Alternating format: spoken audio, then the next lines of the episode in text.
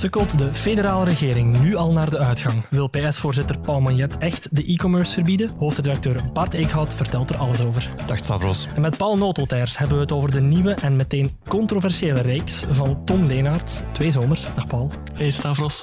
En Joni de Rijke vertelt over haar bezoek aan Oekraïne nu het land in een slagveld dreigt te veranderen. Dag Stavros. Hartelijk welkom, ik ben Stavros Kilipouris en dit is Lopende Zaken.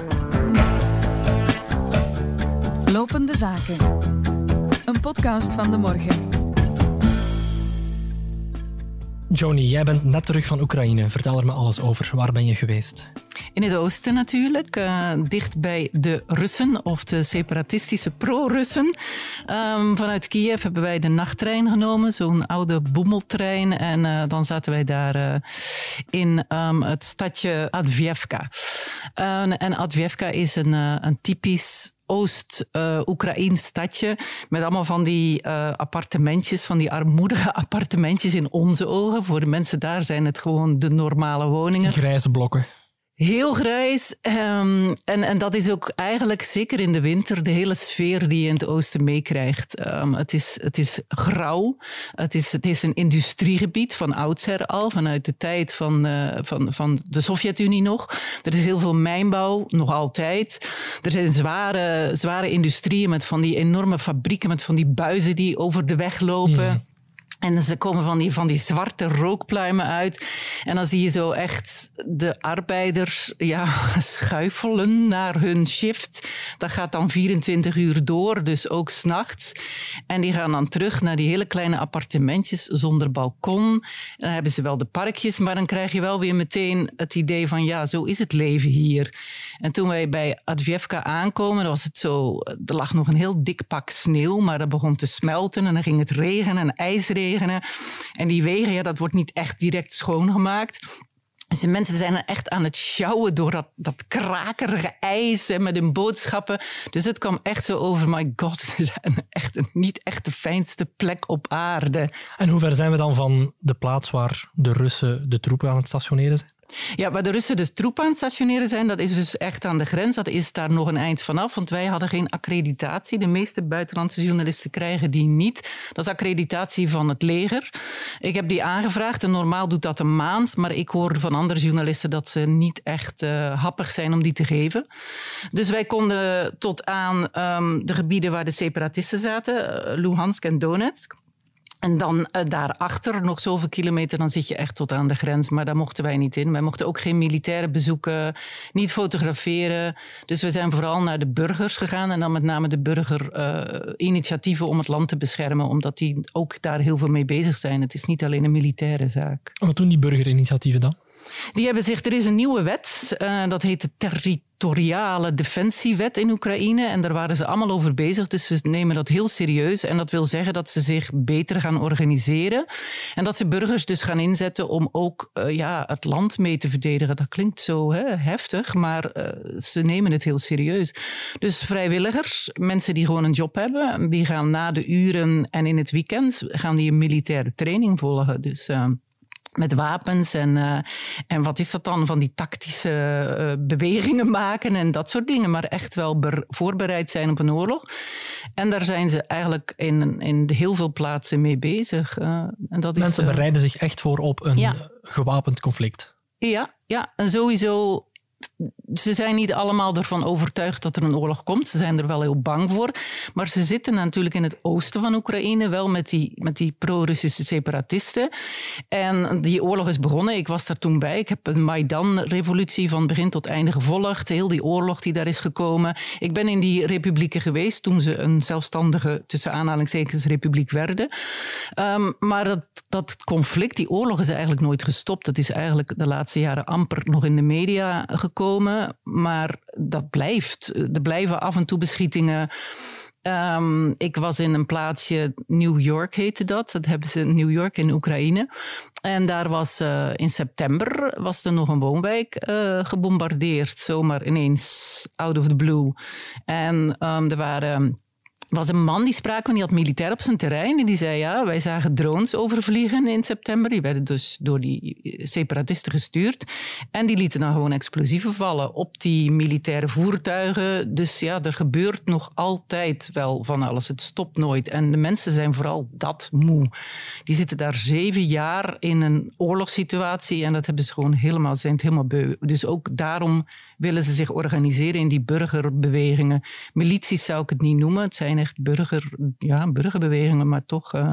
Ontstaat er dan een soort gewenning uh, waarbij ze ja, het wapengekletter en de, de voortdurende dreiging gewend worden? Of blijft dat toch? Ja, dat zeiden ze wel allemaal. We zijn hier wel echt iets gewend. Maar ja, ze zijn het natuurlijk wel moe. Ja. Uh, je ziet ook dat heel veel appartementen die worden niet opgeknapt. Dus die zijn kapotgeschoten en die zijn helemaal die zijn onbewoonbaar. Mensen komen niet meer terug omdat ze verwachten dat het toch weer op den duur kapotgeschoten gaat worden. Ik sprak een priester, um, die was heel pro-Oekraïns in een dorpje waar die eigenlijk een van de weinigen was.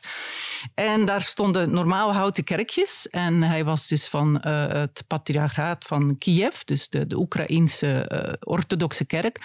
En hij zei, ik ga hier geen, uh, niet in een kerk uh, ga ik uh, mijn, mijn, mijn preek houden, um, want die wordt in de fik gestoken, daar ben ik van overtuigd. Dus, dus dat doe ik niet.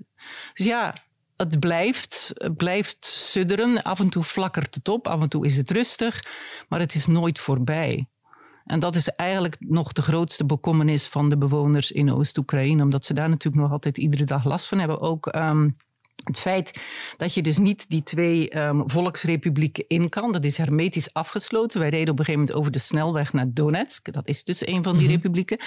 En uh, ja, dat zie je niemand. Er rijdt geen auto. En op een gegeven moment stopt dat ook. En dan is er een checkpoint en is de weg afgesloten. En wat ik heel erg opvallend vond, dat de bewoners die normaal een kwartiertje met de bus van die stad afzaten en daar dus ook werkten en familie hadden en huizen hadden, en er zijn een aantal mensen gevlucht, die zeiden het is zo moeilijk om dat gebied binnen te gaan aan beide kanten, want ze willen je daar niet binnenlaten en Oekraïne wil je dan ook niet daar naartoe. Dus je moet aan beide kanten moet je een, een van paparazzen laten zien. En goede redenen waarom je daar naartoe wil, familie, of je hebt daar nog een huis, of je moet zaken doen. En dat duurt zo lang. Je moet het tijdstip aangeven, je moet aangeven wie je gaat bezoeken, wanneer, hoe lang je blijft. Dat is blijkbaar zo'n toestand dat de meeste mensen zeggen, als we daar dan toch naartoe willen om onze familie te bezoeken, sommige mensen hebben daar kinderen of ouders, dan rijden ze 1200 kilometer om om dan via Rusland binnen te komen. In oh. plaats van dat kwartiertje wat het normaal met de bus zou zijn. Ja. Ik sprak uh, een moeder die heeft haar zoon al, al ja, zeven jaar niet meer gezien. Die hebben alleen maar online contact. Ze had kleinkinderen en ze zwaait naar de kleinkinderen via de sociale media. Maar die kunnen elkaar niet zien. Dat is natuurlijk wel... Ja, het is absurd mhm. eigenlijk. Ja, want de voorbije weken is de hamvraag daar, ja, breekt het conflict los? Maar voor die mensen is het conflict eigenlijk al zeven jaar aan de gang. Ja, dat is al zeven jaar aan de gang. En natuurlijk, nu, daarom vrezen ze ook wel dat Poetin verder zal gaan. Er hebben veel mensen tegen mij gezegd, hij heeft de Krim destijds ingenomen. Ik was daarbij en dat was ook inderdaad met een snelheid en een brutaliteit. Dat was ongelooflijk. Ja, ik weet nog dat ik daar op dat uh, plein stond van Simferopol, uh, de hoofdstad, bij het gemeentehuis. En dat was voordat het referendum zou plaatsvinden of het dan Oekraïens dan wel Russisch zou blijven. Maar de Russische vlaggen die hingen al op het dak en er waren van die Russische dansers gekomen. En ik weet dat ik laaiend kwaad werd, omdat ze gewoon al zoiets hadden van, het is van ons. Dus ja, enfin, de brutaliteit waarmee ze dat toen deden, dat is de Oekraïners natuurlijk allemaal wel bijgebleven. Ze hebben Donetsk ingenomen, dus die zeggen van ja, waarom gaat hij niet verder? Hij heeft dat toen destijds ook gedaan. Dus. Maar ze verwachten niet dat er een, echt een hele grote oorlog komt met luchtmacht, met, met aanvallen vanuit vliegtuigen, maar wel dat die vanuit de grens begint en dat ze dan ja, gaan beschieten, precisiebommen doen, grondroepen sturen en misschien stukjes aan de grens beginnen in te nemen. Ja, het is natuurlijk heel moeilijk te zeggen wat hij gaat doen, maar daar vrezen de bewoners voor. Ja. Dat moet toch heel surreëel zijn voor de mensen daar dat zij nu opeens de, de, de inzet worden tussen, of in een conflict tussen ja, het Oude Oosten en het Oude Westen, tussen de NAVO en Rusland. Ja, ja, en dat is natuurlijk het probleem van Oekraïne. Je hebt er altijd die, die tweespalt. Nu is het niet zo dat in het oosten de mensen per definitie tegen het westen zijn en heel erg pro-Russisch. Dat is wel veranderd met zeven jaar geleden. Zeven jaar geleden zag ik echt dat er. Ja, de mensen kijken daar ook wel alleen maar naar de Russische televisie. Dus die krijgen wel een eenzijdig beeld van het conflict. Maar ze waren daar zeven jaar geleden vooral heel erg van. Uh, het westen van Oekraïne, daar zitten alle fascisten. En dan beginnen ze daarover. En, en, en jullie in Europa, die, jullie zijn ook allemaal kapitalisten. En jullie zijn allemaal. Ze waren altijd. Wat ze ons altijd tegen ons zeiden, uh, tegen de journalisten: van ja, jullie maken je druk om zaken zoals het homohuwelijk. Zo, van, en daar houden jullie mee bezig. Wat is dat nu voor een maatschappij? Zo, ja, ja dat, dat kregen we heel veel te horen. Dus dat heeft zo'n, was een hele conservatieve uh, ja, mening die de mensen erop nahielden. Ze waren ook agressief, maar dat is stilaan veranderd, omdat mensen natuurlijk wel horen en zien uh, dat het in die twee volksrepublieken helemaal niet zoveel beter gaat. Uh, het is daar, ik, weet, ik heb alleen maar gehoord, ik heb niemand kunnen spreken die daar nu zit. Maar het leven is daar enorm duur geworden. Uh, de mensen ja, zitten eigenlijk in dezelfde situatie, maar ze kunnen dan nergens meer naartoe. Ze zitten eigenlijk opgesloten in dat kleine, kleine stukje. En dat zien natuurlijk de mensen die eerst louter pro-Rusland waren. Die, die, die zien dat, die horen dat. En iemand zei ook tegen me: van, stel nu dat er hier een, een, een Rus hè, aan het hoofd komt van ons, ons, eh, onze regio of maar de stad, zegt, gaat het geen verschil uitmaken. Die, die is hier, eh, of dat nu een Oekraïner is of een Rus, dat maakt ons eigenlijk niet uit. Dus ja, ze beginnen in het oosten wel iets meer te keren en iets meer pro-Oekraïns te zijn, maar ja, in het Westen zijn ze natuurlijk heel duidelijk pro-Oekraïns. Daar zien ze Poetin als de, de kwade genius. Ja, ja, maar in het oosten begint dat wel te keren. En ja, wat ik zei, ze willen vooral, eigenlijk vooral rust. Eigenlijk zeggen ze van, wie er nu aan het hoofd staat, uh, dat is ons om het even verwachten die mensen iets van ons, om zo maar te zeggen? Van, ja, van, ja, ja. ze zeiden toch, veel mensen zeiden toch wel van ja, wij verwachten hulp van Europa. Uh, ook hulp als het gaat als er een vluchtelingenstroom op gang komt. Dus dat soort zaken allemaal. En ze, ze, ze hopen erop, laat ik het zo zeggen. Want heel veel zeiden dan ja, maar als we het moeten doen, als de oorlog uitbreekt, dan zullen we toch wel het alleen moeten uitvechten. Mm -hmm. Dus jullie beloven wel van alles. En Europa steunt natuurlijk ook wel. Hè. De militairen worden onder andere getraind. Uh, niet door, eh, wat is het nu, door Litouwen en Canada of zo nog een land. In ieder geval, ja, wij steunen. Er worden wapens gestuurd. Maar ze beseffen eigenlijk bijna allemaal wel van als het er echt van komt, dan gaat Europa zich daar niet mee bemoeien. Dus ze zullen het alleen moeten doen. Dat is wel pijnlijk. Ja, dat is echt wel pijnlijk, ja. Terwijl ze wel op hopen natuurlijk hulp krijgen. Ja, maar dat zeggen ze, we gaan het zelf moeten doen. Het is onze oorlog en uh, daarom zijn ze zich ook allemaal aan het, aan het bewapenen en aan het trainen om dan toch... Mensen zijn ook heel erg in het oosten bezig met, met, met hun eigen stad. Dus van wij gaan onze stad verdedigen en... Ze lieten mij dan al plannen zien van strategische plekken zoals bruggen en, en dat, soort, dat soort plekken. Van we gaan dus bij hele plannen van als het gebeurt, dan gaan we daar en daar en daar moeten staan. Maar ja, vaak zijn ze nog totaal niet klaar, want die mensen die worden dan nu opgeleid ja, in hun vrije tijd. Dus dat zijn burgers die eigenlijk bij God niet weten wat ze moeten doen als, als dan een oorlog zou uitbreken. Beseffen die mensen ook dat als je het zo uitlegt, dan klinkt het alsof die mensen eigenlijk kanonnenvlees zijn. Ze, ze, kunnen wel op een brug gaan staan, maar dan komen de Russen met een, met een explosief. En ja. ja dan sta je daar op die brug. Beseft ja. die mensen dat, dat, dat als die oorlog uitbreekt, uitbreekt, dat zij de dood in de ogen kijken? Dat weet ik niet of ze dat doen. Het is toch wel een. Ze hebben wel ze hebben natuurlijk die oorlog meegemaakt, die, die zeven jaar oorlog. En er zijn ongeveer 13.000 mensen gedood, maar er waren ook heel veel militairen bij. Dus ze weten wel wat oorlog betekent, maar ze hebben dat toch wel allemaal zo, die, die trots, die, die, die zo van nee, dit is Oekraïne en we willen echt wel voor ons eigen gebied opkomen. En dan is dan toch wel ineens zo van ja, Rusland is dan toch inderdaad zo de boze, het boze land en dat, dat gaan we niet laten gebeuren. Dus dat weegt zwaarder voor zover ik heb gehoord van de mensen die ik sprak, dan, dan, dan de angst. Er was ook wel één iemand die zei van ik zorg dat ik weg ben. Ik heb een vrouw en een kind en als de oorlog uitbreekt, dan vlucht ik. Naar waar? Naar Europa. Ja. ja. ja. ja. en dat, dat gaat gebeuren. Mocht er echt een oorlog van komen, dan, dan, dan komt er een nieuwe vluchtelingenstroom op gang. Ja, dat is natuurlijk een ander ding. Maar ja, we zijn nog niet zo ver. Dus, Geloven de mensen daar nog dat dat dat een heel zwaar conflict kan afgewend worden? Ja, ja, toch wel. Of geloven, ja. Ze zijn natuurlijk ook allemaal, ja. De mensen die, die wachten af en die, die, de mensen op straat, die, die, weten ook wel dat het boven hun hoofden wordt beslist. Dus de angst zit er absoluut in, de bezorgdheid. En, en als je dus daar in dat gebied bent, gaat het echt om de bezorgdheid over je eigen huis. Van gaat het wel overeind blijven staan? Dus dat, is heel, dat zijn hele praktische zorgen die de mensen hebben. Maar ze hopen natuurlijk ook dat het er niet van gaat komen. Maar het is, is, er is veel wantrouwen wantrouwen. Met name om het verleden wat Poetin heeft gedaan. Dus, uh, ja. Een van de dingen die ik me nog afvroeg, ik zag vorige week een foto van mensen die, zoals je beschreef, oefeningen doen, hè, tactische bewegingen. Ze oefenen met hoe gaan we bepaalde gebouwen verdedigen. Alleen die mensen waren aan het oefenen met eigenlijk houten wapens. Dat was in Kiev, ja. ja in Kiev. Ja. Um, hebben die mensen toekoer middelen om zich te verdedigen? Want je kan zoveel tactische oefeningen doen als je wil, als je geen wapens hebt ja, Dan, dan, sta je daar. Ja, nee, ik denk dat ze dat niet hebben. Um, degene die ik sprak, die dus met die nieuwe wet bezig zijn, dat is dus een wet. Dus dan, dan is de overheid, die, die helpt daarin. En die zeiden wel van, wij krijgen van de overheid alles wat we nodig hebben. En hij bedoelde met de opleiding, maar dat betekent ook wapens. En hij zei van, de vrijwilligers mogen een wapen gebruiken, maar dat is meer gecontroleerd. Hoe ze dat gaan controleren, dat is mij dan niet duidelijk. Dus ik verwacht wel dat die wapens gaan krijgen en dat de overheid daar dan wel in steunt. Ja, maar dat is allemaal nog maar net begonnen. Die hele wet is vanaf 1 januari van kracht. Dus dus ja, dat is natuurlijk laat. Hoe verwacht je dat dit verder gaat? Want er wordt nu heel erg gekeken naar het diplomatiek overleg en de stappen die, dat nog, die daar nog kunnen gezet worden. Maar we hebben jaren geleden gezien, Poetin kan op één nacht beslissen, we vallen binnen, we nemen dat gebied over en we pakken de NAVO in snelheid.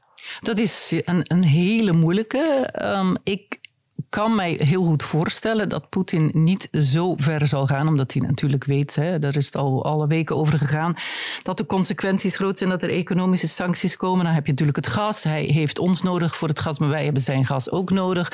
Maar ik denk niet dat hij zo ver zou gaan dat het tot een grootschalige oorlog komt. Maar jij weet het met Poetin natuurlijk nooit. Het kan zijn dat hij wel toch ineens tot actie overgaat. Maar dan denk ik eerder dat het bij bij gerichte doel, eh, bij een soort gerichte um, aanvallen zal gaan. Um, dat die, dat die uh, of met drones, dat hij zo over de grens kleine beschietingen gaat doen. Dat je zo begint, dan laat je toch al zien van we zijn hier. En dan begin je niet meteen met grof geweld. Maar het blijft een hele moeilijke. Misschien wordt het alsnog vermeden, maar het zit, het zit muurvast. Dus uh, het, is, het is zeer moeilijk om... Het is afwachten. ja, ja. Ga je nog terug? Ja, ja, ja. Ik, uh, en zeker als er iets gebeurt, dan, uh, dan ga ik terug. En als ik mijn accreditatie krijg van, uh, van het leger, dan kan ik dus tot aan de grens. En dat lijkt me ook wel boeiend om helemaal tot aan daar te gaan. En dan mag je ook niet ja. hier komen vertellen. Ja, dat ga ik Johnny. doen.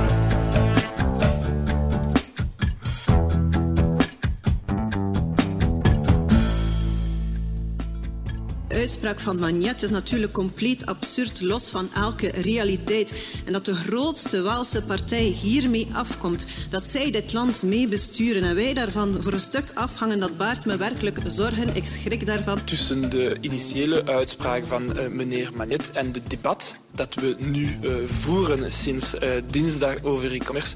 Er is echt een verschil. In Wallonia is er echt een, een nieuwe generatie, veel ondernemers die samenwerken aan een sterkere groei in Wallonië.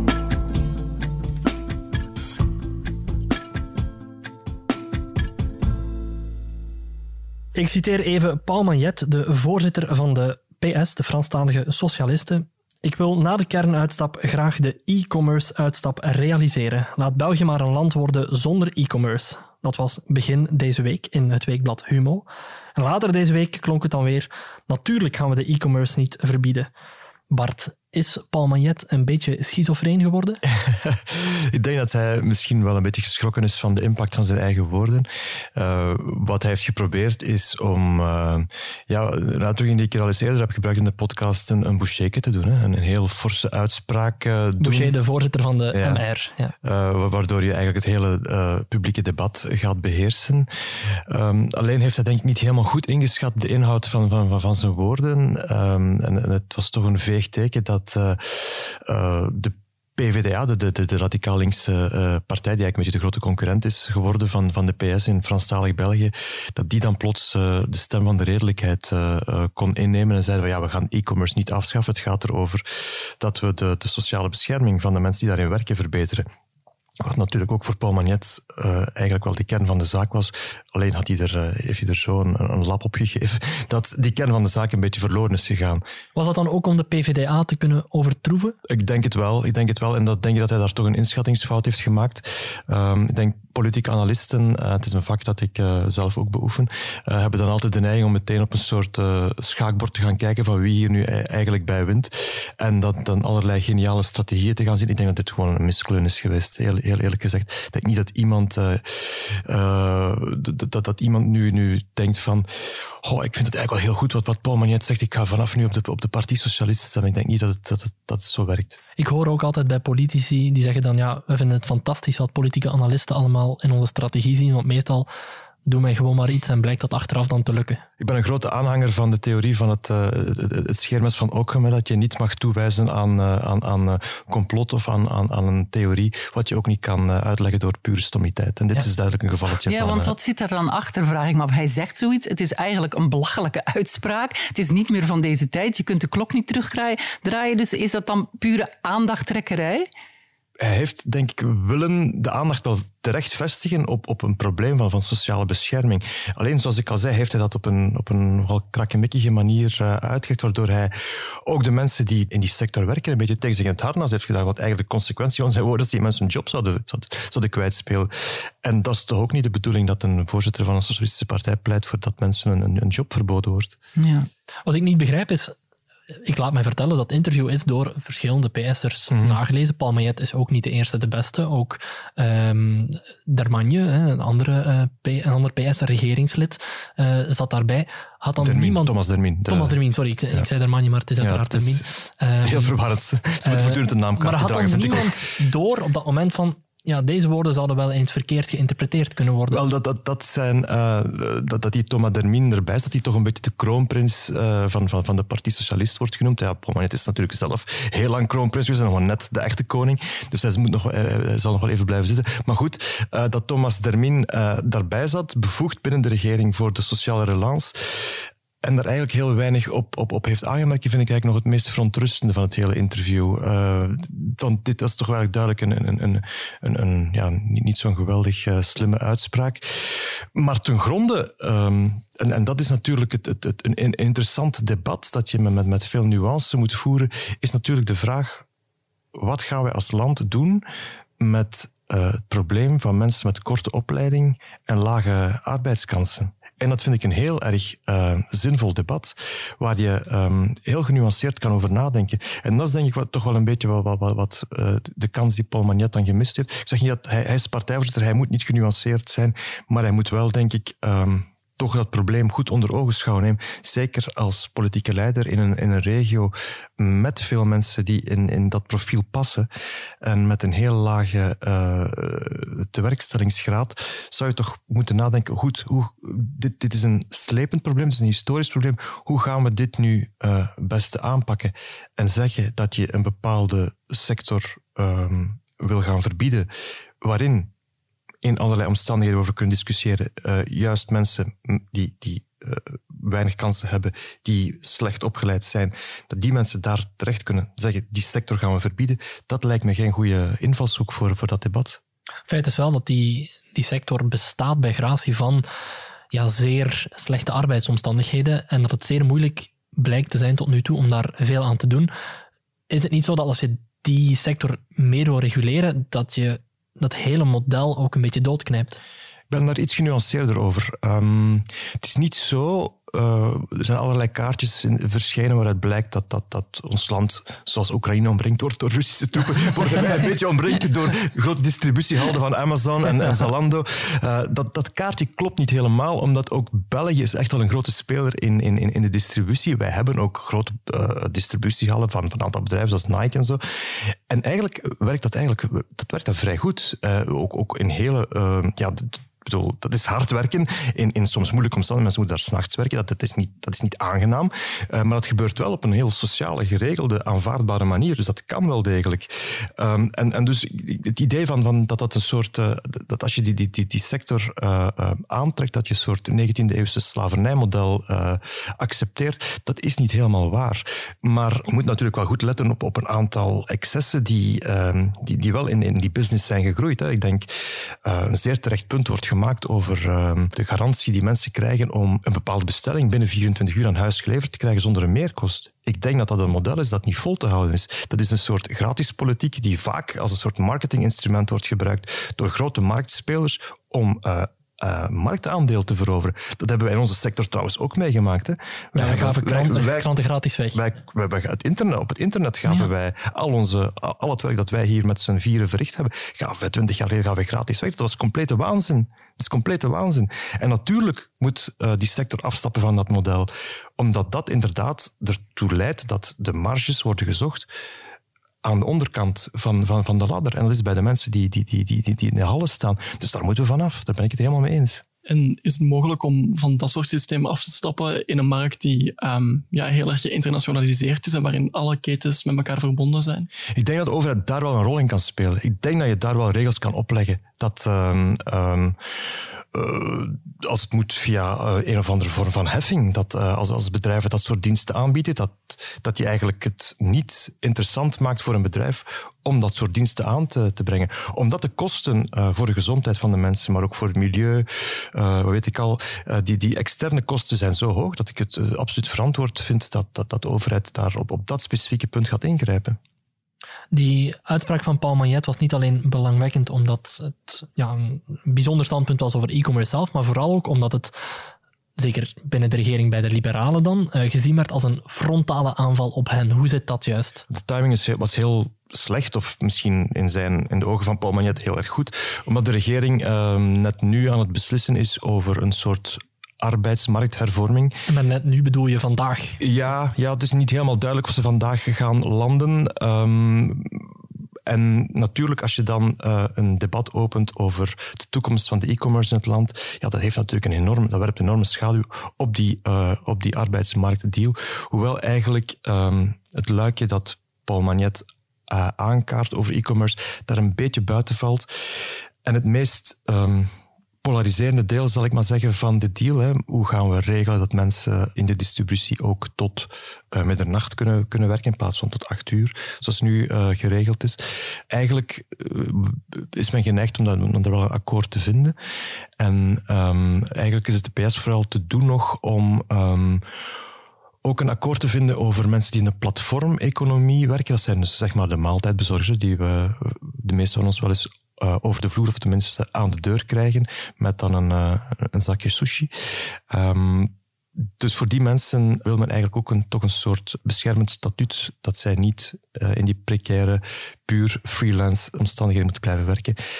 En ik denk dat ik op dat punt eigenlijk ook de PS wel kan volgen. Zeker voor mensen die eigenlijk een, vol, een voltijds uh, levensonderhoud halen uit die maaltijdbezorging, vind ik dat uh, de sociale bescherming best wel in orde mag zijn. Anders is, uh, denk ik, dat je daar een onderscheid moet maken met studenten die dit een beetje erbij nemen en, en misschien één keer per dag een paar uur uh, maaltijden gaan bezorgen. Maar als je het echt hebt over mensen die vaak in, in, heel moeilijke omstandigheden uh, leven en werken, het gaat vaak over vluchtelingen of, of, of, voormalige vluchtelingen die die jobs doen, dat je daar toch inderdaad uh, moet kijken ook, ook hoe je die mensen beter beschermt tegen uitbuiting. Even terug naar de, naar de regering. Die zoals, ik, zoals ik zei, het werd gezien als een frontale aanval op de liberalen, omdat zij natuurlijk die e-commerce heel graag verder willen uitbouwen. Um, en eigenlijk was dat interview van Paul Magnet een symptoom van de voortdurende ruzie in die regering. Hm. Ja, en daar heb ik wel een somber hoofd in. Um, dat is nu toch, we zijn nu toch ongeveer maar anderhalf jaar bezig met deze regering. En je kan niet zeggen uh, dat uh, het steeds gestroomlijnder gaat lopen. Wel in tegendeel, lijkt er toch echt wel een soort uh, evolutie te zijn, een trend te bestaan, om vanuit de, de, de, de belendende perceel, te zeggen, uit de partijhoofdkwartieren, die regering toch het leven heel erg lastig te maken. En ik weet niet goed uh, wat de, de, het perspectief is van, van, van die profilering. Um, omdat je toch merkt dat dit um, aan het vertrouwen in de regering, ook aan de bestuurskracht van die regering. Hè. Er worden steeds meer vragen gesteld, terecht trouwens, over uh, het leiderschap van, van, van premier Alexander de Croo, die uh, de hele boel voortdurend moet samenhouden en telkens met een zeker visaandempje moet afwachten of er in het weekend weer niet een of ander uh, toxisch interview van een partijvoorzitter in de krant zal staan. Ja, zo raak je natuurlijk niet vooruit en, en dat is wel nodig. Ik denk echt oprecht dat partijleiders zich vergissen in de positieve impact van dat werk. Zij zien, denk ik, voornamelijk de reactie die zij teweeg brengen. En ze denken, ik heb een goede week gehad. Ik ben uh, flink in de media geweest. Iedereen heeft uh, de naam van mijn partij gezien. De bonus is weer verdiend voor deze maand. Maar ik denk ten gronde zorg je echt wel voor veel onbegrip en ik denk zelfs afkeer bij uh, veel gewone mensen, die zeker in de toch wel speciale tijd waarin we nog altijd verkeren, vooral op een betrouwbare, rustige manier goed bestuurd willen worden. Ik herinner mij nog bij het aantreden van deze regering dat premier Alexander De Croo uh, op, het, uh, op, een, op een trap een interview gaf, uh, de regering aankondigde en zei: We gaan voor een andere manier van politiek, en waar we niet voortdurend elkaar in de haren vliegen, en waar we in vertrouwen samen kunnen werken. Anderhalf jaar later klinkt dat echt zeer lachwekkend. Het, het, was naïef van hem, denk ik. Ja. En misschien ook wel een beetje van ons, of toch van degenen die daar uh, even in geloofd hebben. Um, zoals ik zei, ik heb daar een beetje een somber hoofd in gekregen omdat uh, de regering eigenlijk geen, geen levensverzekering heeft. Het regeerakkoord is heel erg open opgesteld, wat betekent dat iedereen daar toch nog een beetje zijn eigen gelijk in kan vinden. En als er dan geen um, voldoende vertrouwen is of voldoende wil om er samen iets van te... Dat kan werken, zo'n open regeerakkoord, als er voldoende vertrouwen is. Als iedereen ervan overtuigd is dat uh, door samen te presteren je uiteindelijk een overwinning kan boeken, dan kan je daar succes mee, mee, mee boeken. Dan kan het inderdaad een nieuwe manier van aan politiek doen zijn. Maar als dat vertrouwen er niet is en die open, openingen worden voortdurend gebruikt om die op een eigen manier, die enkel de eigen partij goed uitkomt, in te vullen, ja, dan krijg je wat je nu hebt. En dat is uh, gekakel, gekwebbel, uh, geruzie. En zoals ik al zei, mensen hebben daar volgens mij de buik van vol. Ik vrees dat je zelfs nog niet streng genoeg bent, want in het regeerakkoord staan ook fantastische zinnen als uh, ik parafraseer nu, maar het komt erop neer, er komen geen nieuwe belastingen, behalve in het kader van de begrotingsgesprekken. Ja, als het nodig is. Ja. Wat betekent, er komen wel nieuwe belastingen? wel, ja. En dus de liberalen denken, citeren voortdurend het eerste deeltje van de zin en dan de andere partijen uh, de, er wel eens aan, toe, aan toevoegen dat er ook nog een tweede deel in die zin zat. Ja, dat is, uh, we hebben er twee jaar over gedaan om, om deze regering tot stand te brengen en dan is het toch met enige verbazing dat, dat je kijkt naar het gebrek aan afspraken die gemaakt zijn over dit soort uh, ja, fundamentele, fundamentele dingen. En dus ja, komen stilaan ook fundamentele vragen op tafel, zoals gaat deze regering um, de rit nog uitrijden tot 2024? Ik zou denken dat het antwoord uh, vanzelfsprekend ja is, omdat je denk ik toch wel een zekere politieke zelfmoordneiging moet hebben om te zeggen, ja, ik denk dat we nu even wel uh, toe zijn aan een stembus. Ik denk het niet, eerlijk gezegd. Dus ik zou toch proberen om nog twee jaar mijn best te doen, maar ik heb niet het gevoel dat alle partijen daar per se uh, in, in die logica zitten. En dat er toch nog een soort ramkoers bezig is, waarbij een aantal partijen echt in een auto die, die, die, die keert op, op, op de andere aan het afstormen is. En dat ze vanuit gaan dat de andere wel zal remmen. Maar dat en dan kijk ik weer opnieuw naar Oekraïne, dat zou ook wel eens geweldig verkeerd kunnen aflopen.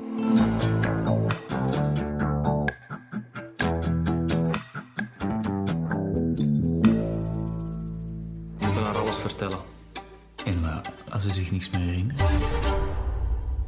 Aan de film aan het werken, Mowgli. Hé, ja. Hé, hey, lukt het wel hier? Iedereen kan het zijn. Zoveel als wel slachtofferen! Waarom perst iemand af? Geld of wraak?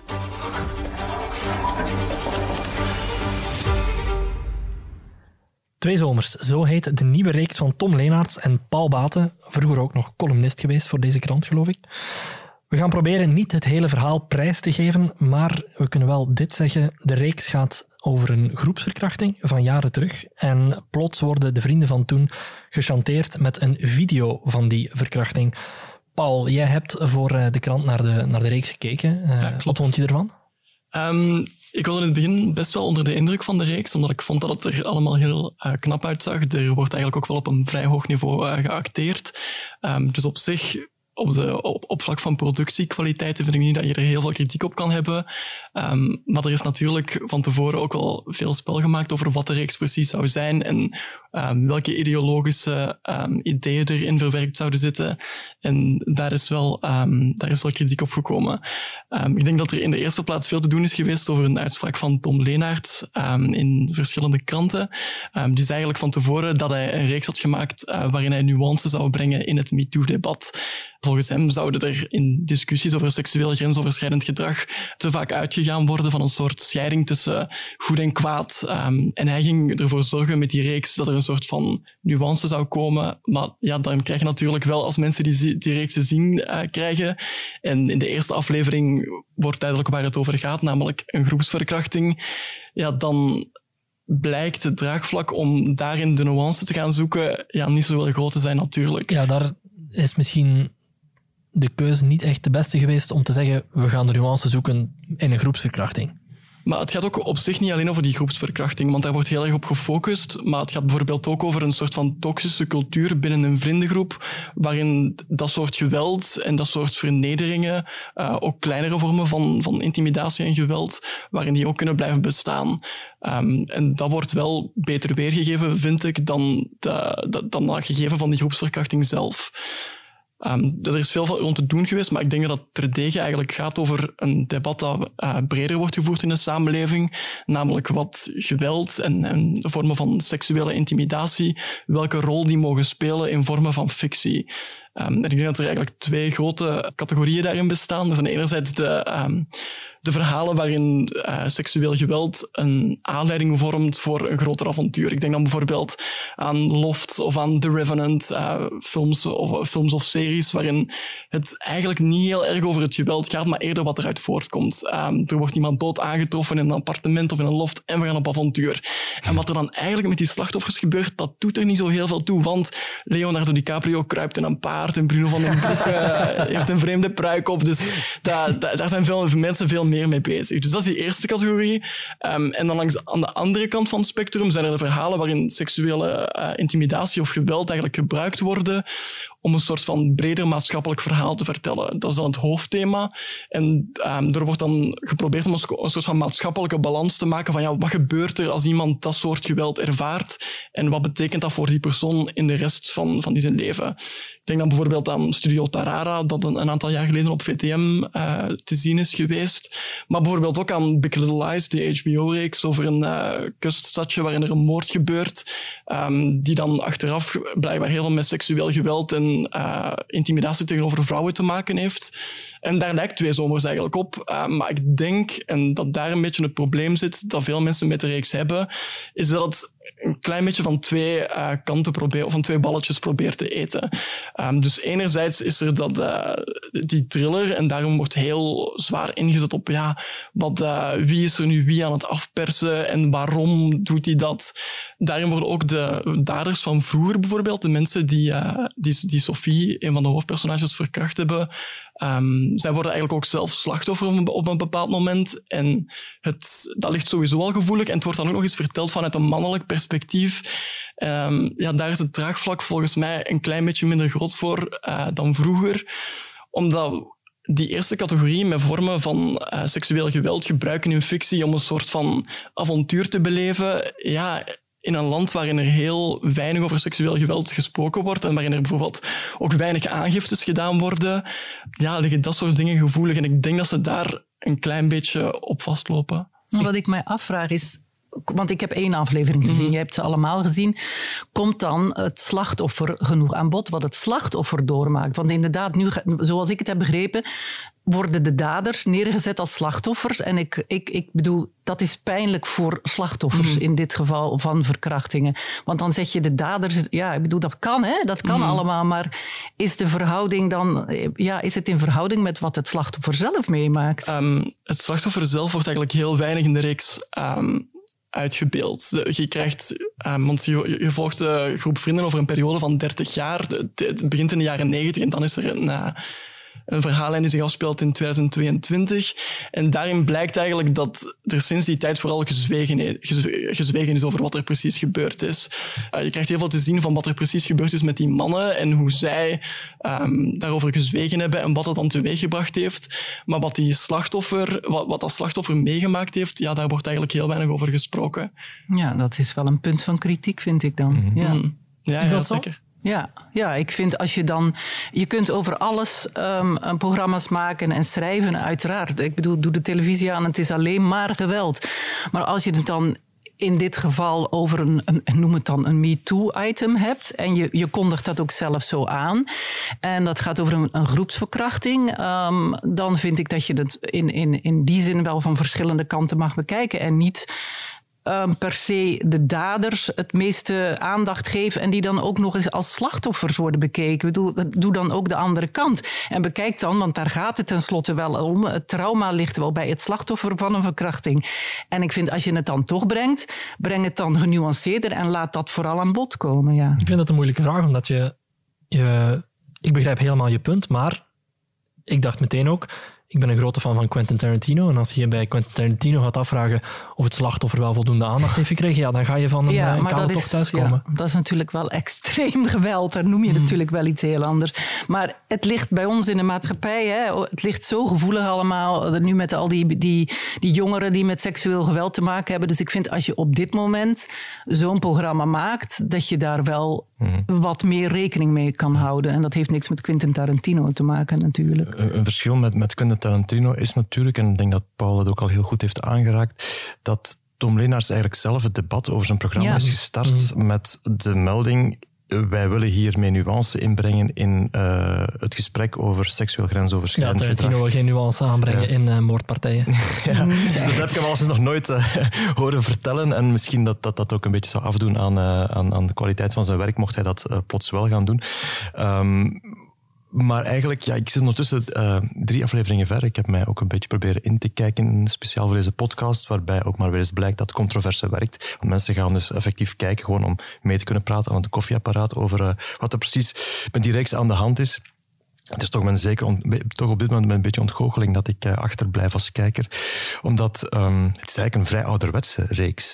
Tom Leenaerts eh, doet alsof hij um, uh, een totaal nieuw standpunt inbrengt in het debat. Maar eigenlijk is het een soort terugkeer naar een standpunt dat eigenlijk 600 jaar lang het standpunt is geweest. ja. Van hoe wij naar. Uh, dus eigenlijk is, is, dat een heel vrij klassieke manier van, van, het, van, van het, het mannelijke standpunt voorrang geven dat, dat, dat die uh, decennia, eeuwenlang uh, het, het, het, debat uh, heeft beheerst. En daar nu naar terugkeren zonder daar eigenlijk vrij weinig aan toe te voegen. Inderdaad, zonder enige inzicht te geven aan de kijkers over wat heel die, heel, heel die situatie doet met iemand die slachtoffer is, het echte slachtoffer van de verkrachting. Dat, dat vind ik dan toch een beetje teleurstellend. Mm. Ja. Eigenlijk zeg je, de nuance is lang genoeg het heersende discours geweest. Wel, ik moest heel erg denken aan um, de zeven vinkjes van Joris Luijendijk. Ik denk, mochten er acht of negen vinkjes zijn, dat Tom Lenaerts ze nog allemaal zou aantikken. Hij Moet die vinkjes even uitleggen voor de podcast. Ja, dus de zeven vinkjes is... Ja, Joris Luijendijk heeft net een boek uit waarin hij uh, het uh, privilege van zichzelf als uh, blanke, mannelijke, hoger opgeleide figuur met, een, met toegang tot, tot, tot, tot het debat uitlegt. En zegt, ja, er zijn zo zeven categorieën waarin je als je die zeven, als je die zeven aanvinkt, dan uh, weet je, dan kan je heel moeilijk uh, um, uitleggen wat discriminatie eigenlijk is, omdat het jou nooit overkomt. Ik denk dat hij, dat is niet per se een, geweldig nieuw inzicht, maar het is wel een heel handige manier om, om, om, om te checken uh, wat je eigen plek is in, in de samenleving. ik denk dat mensen als Tom Leenaert zijn bij uitstek mensen die, die, die, die al die zeven vinkjes uh, kunnen aankruisen.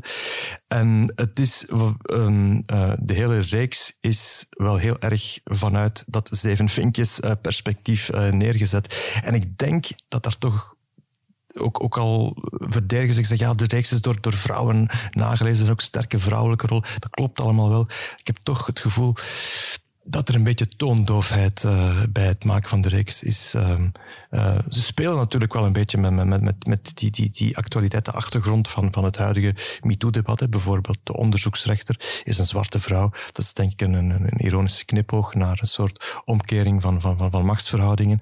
Maar het is toch een beetje mager en oppervlakkig qua um, correctie in het wereldbeeld. Hm. Ik zie dat er ook vaak gezegd wordt um, door mensen die vinden dat de kritiek overdreven is, dat fictie op zich gewoon fictie moet kunnen hm. blijven. Is natuurlijk ook zo. En dat is natuurlijk ook, ook zo. Ik, ik, word er ook een klein beetje zenuwachtig van als we zo um, de morele zedenpolitie loslaten op uh, de hele kanon of zo. Ja. Want dat hoeft nog niet noodzakelijk zo, maar ik denk wel dat het belangrijk is om naar fictie te kijken in de context waarin ze tot stand gekomen is. Ik uh, kijk niet naar The Godfather en uh, zit ondertussen te denken van, goh, god, het is toch allemaal wat overdreven met dat geweld. Um, dat speelt gewoon niet, maar bij dingen die vandaag gemaakt worden, vind ik dat wel een aandachtspunt of zo, om daar een soort van vorm van, van nuance in te brengen.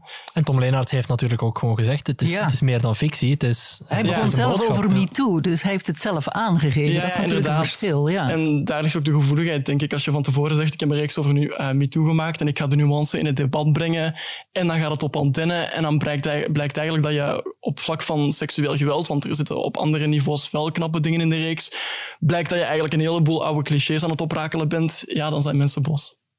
Is het nu een anti-MeToo-reeks of een MeToo-reeks? Dat is een vraag die heel veel gesteld wordt en ik vind het zeer moeilijk om die te beantwoorden. Heb jij er een antwoord op, Paul? Um, ja, ik heb proberen weg te blijven van spoilers. Um, maar wat ik wel heel opvallend vond in de reeks, is dat de vrouwelijke personages heel vaak dingen overnemen van de mannelijke personages. Dus daar is de sfeer, um, ja, wordt er wel iets heel duidelijk meegegeven over de manier waarop het toxisch masculine op de een of andere manier ervoor kan zorgen dat er een uh, dat er vreselijke dingen gebeuren. Um, maar om het nu echt een anti-MeToo-reeks te noemen, vind ik, het ook, vind ik het ook wel een klein beetje te ver gaan. Mm -hmm. um, ik denk dat er bijvoorbeeld wat heel veel personages zeggen, is dat schuld eigenlijk uh, altijd in nuances vervat zit. Er bestaat geen zwart-wit en dat is wat er bij die verkrachting ook wel um, te zien is. Er zijn, er zijn een aantal mensen die, die um, slachtoffer penetreren, maar langs de andere kant zijn er ook personages die aan de zijkant blijven staan of die um, aan het filmen zijn. En de vraag die de reeks dan stelt is, ja, zijn ze eigenlijk allemaal even schuldig? Hebben ze allemaal evenveel um, verantwoordelijkheid voor wat er daar precies gebeurd is. En het antwoord van de reeks dat door verschillende personages gegeven wordt, is eigenlijk uh, Nee, of eh, iedereen is een beetje schuldig, maar ook niet allemaal evenveel. En de mensen die in de reeks een andere mening zijn toegedaan en die bijvoorbeeld geloven dat iedereen daar wel voor verantwoordelijk is, ja, zonder weg te blijven van grote plotwendingen, um, denk ik wel dat ik kan zeggen dat die personages behoorlijk sterk um, afgestraft worden. Het hele idee van een heksenjacht en wat dat teweeg kan brengen, als, een, als, als je iemand anders als persoon een verhaal toe-eigent om dat voor je eigen agenda in te zetten, ja, er wordt wel duidelijk gemaakt dat dat tot uh, vrij catastrofale gevolgen kan leiden. Een van de dingen die ik niet van me af kan schudden als ik naar de reeks kijk, is de wetenschap dat Tom Leenaerts een hele goede vriend is van Bart de Pauw. En hij zegt wel dat deze reeks niets te maken heeft met die zaak, maar ik vind het toch zeer moeilijk om het niet een beetje aan elkaar te linken. Want Tom Leenaerts heeft eigenlijk lang, ik geloof als altijd, ja, zich een zeker stilzwijgen gehuld over die zaak Bart de Pauw is dit, had hij niet moeten, net omdat hij zo dicht staat bij die zaak Bart de Pauw, net omdat hij daar al die details van kent, had hij dan niet moeten inzien van ja, dit kan toch wel iets anders gelezen worden dan wat ik hier hmm. meen te bedoelen. Maar dat denk ik nu eigenlijk niet. Ik denk dat uh, ja, Tom Leenaerts eh, de absolute vrijheid uh, moet blijven hebben om gelijk welk uh, reeks of gelijk welk boek te schrijven. Um, en zoals Paul ook zegt, we moeten natuurlijk, uh, we, zijn, we zijn hier niet van de zedenpolitie. Hè. Mensen moeten vooral blijven kijken naar die reeks als ze dat willen doen. Um, dus, uh, en, en denk er, op, op, ze werkt op een, uh, zeker op een bazaal niveau, als, als een whodunit, werkt ze echt heel erg sterk. En wat je daar verder van bedenking kan bij hebben over, over de timing en, en over de invalshoeken, dat, dat, dat, dat staat iedereen vrij. Maar ik vind ook wel dat, dat we dat we niet kunnen zeggen dat omdat een vriend of een voormalige vriend betrokken is in een uh, nogal felle zedenzaak, uh, dat dat jezelf uh, beperkt in, in je vrije meningsuiting. Ja, je mag inderdaad over alles schrijven en, en oh, dat zoals hè, comedians over alles grappen moeten kunnen blijven maken. Dat is natuurlijk wel, dat staat buiten kijf. Maar ja, het is, het is een punt van kritiek en vooral wat ik zei, uh, hij heeft het zelf wel min of meer over zich geroepen. Dus, uh, Misschien ja. had hij minder interviews moeten geven. Ja, voilà, komen we weer bij hetzelfde uit. Goed, daarmee is, het onze tijd, onze business. daarmee is het onze tijd er weer op. Wij gaan een weekendkrant afwerken. Hartelijk dank aan mijn gasten, Bart, Joni en Paul. En uiteraard aan onze fantastische luisteraars bedankt om erbij te zijn. Heb je een vraag? Vind je dit de beste podcast van de Lage Landen? Of heb je een suggestie? Laat van je horen op podcasts.demorgen.be. Ik ben Stavros Ketipouris. Dit was Lopende Zaken. Tot volgende week.